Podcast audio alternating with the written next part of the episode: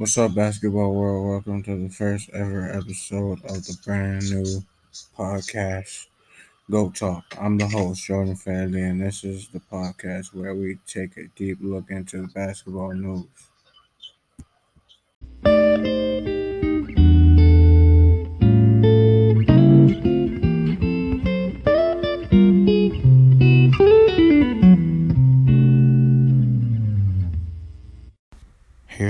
Basketball question for y'all basketball fans out there in the basketball world.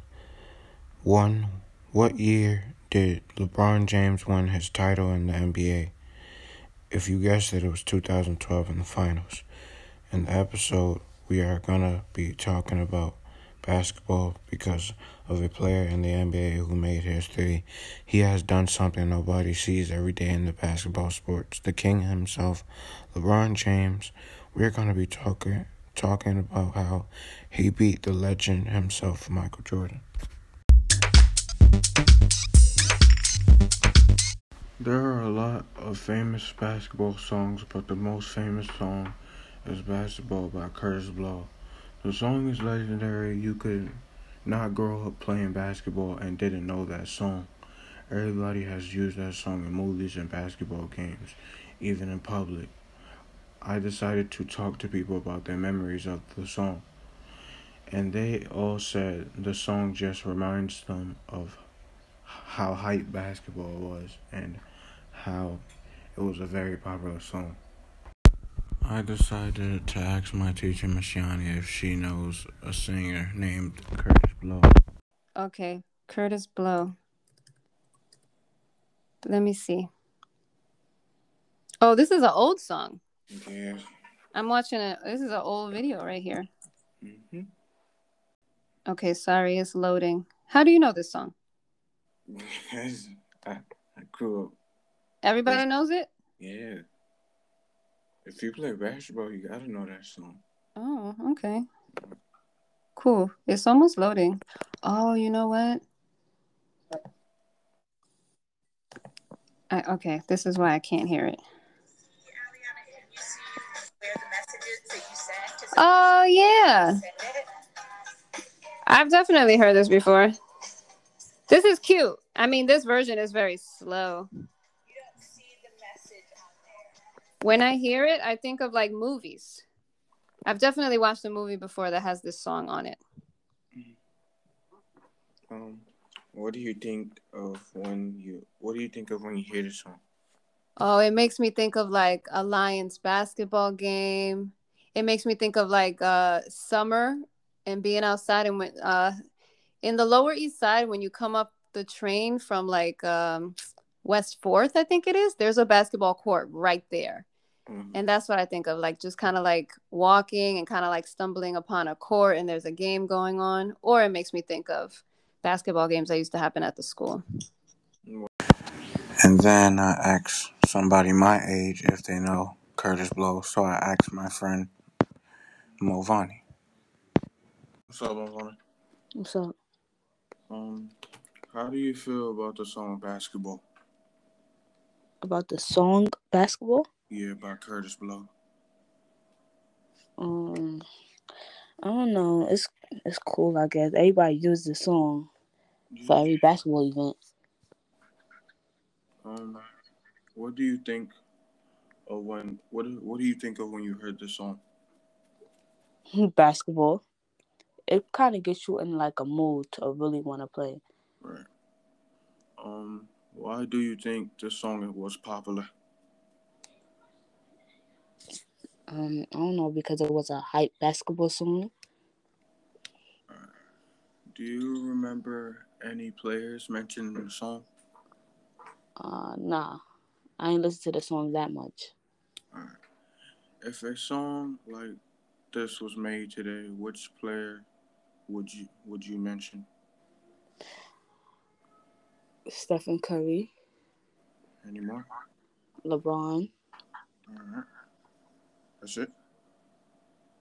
Yeah, those my main two. Alright, we done. Alright.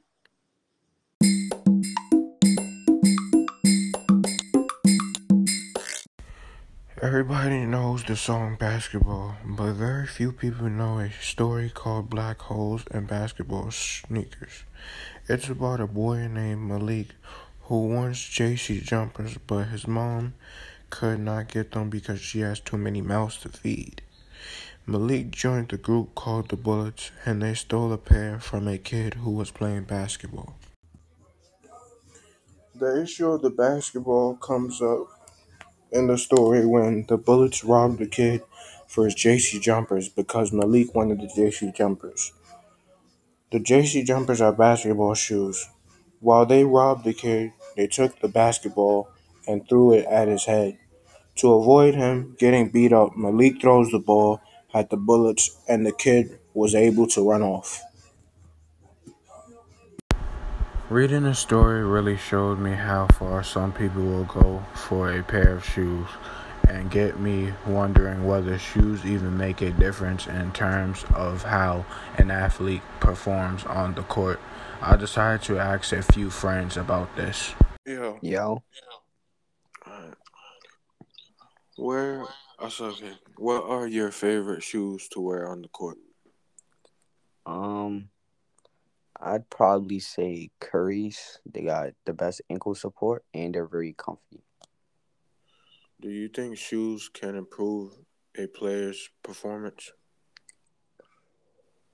I do believe they can improve a player's performance because if somebody steps on the court with shoes that don't really have ankle support, they could get really injured. Yeah. Could they're not gonna have any like any support on their ankles, making it harder for them to move. Right. How much is too much for a pair of sneakers? Um, for a pair of basketball sneakers, I would say two, 200 plus. Mm. I would say 200 plus because you could find really good basketball shoes for like $70. Right. Yeah, that's the last. That's the last question. Alright. You play better.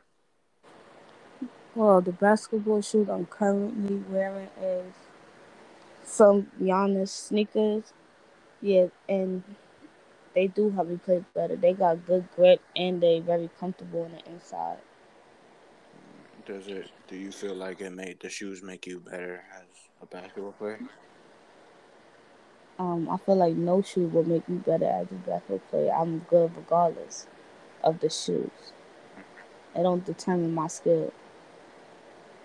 Alright, that's the last question.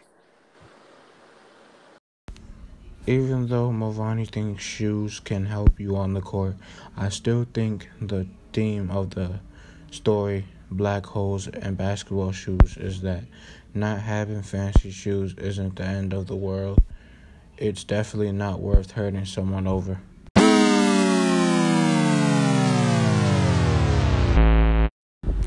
Recently, I read an article called LeBron Moves Past the Idol Michael Jordan in the NBA career scoring list.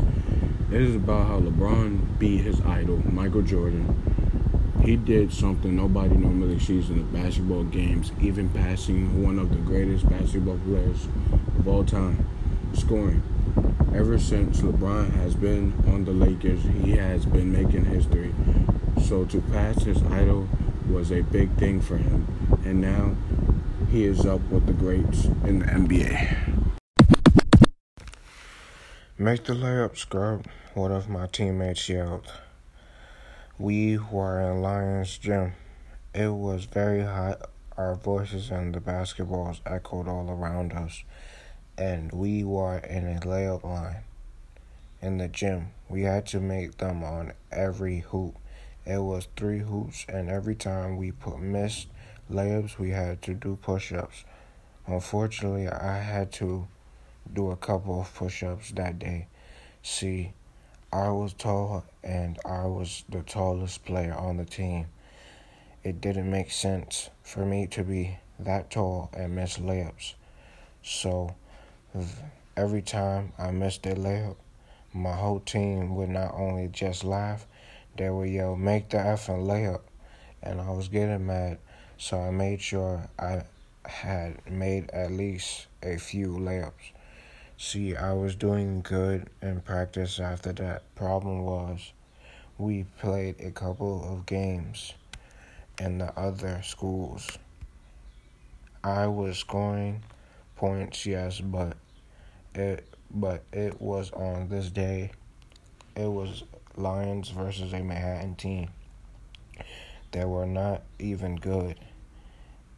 And their big man was very, very skinny.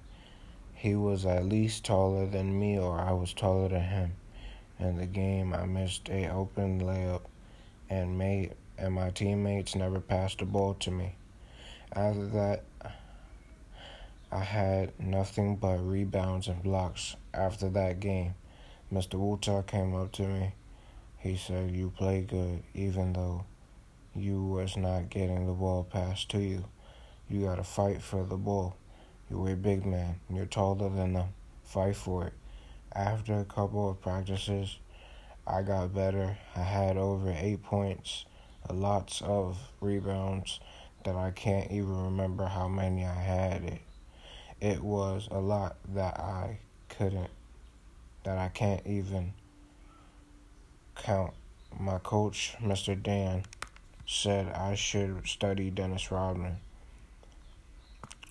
a basketball player that played for the Chicago Bulls.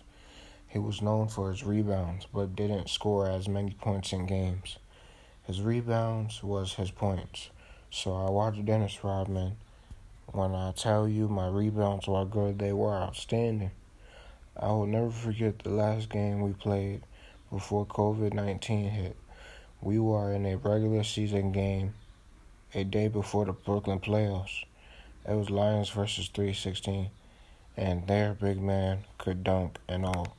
I think he was a point guard. I, I, I think he was my height, but he didn't play my position. He was a point guard. I had a couple of blocks on him when when he came driving into the paint. My teammate Donnie crossed him, and I and I had 12 points and I think at least 15 rebounds. We almost we lost the game, but we played good. It was one of the best games, coach said.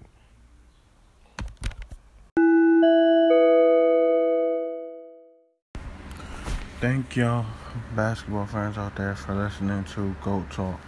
I'm the host, Jordan Fairley. We talk about LeBron James passing one of the greatest players to play in the 90s, Michael Jordan. I hope you are listening and I hope you learned from this. Tune in for another episode where we focus on Michael Jordan.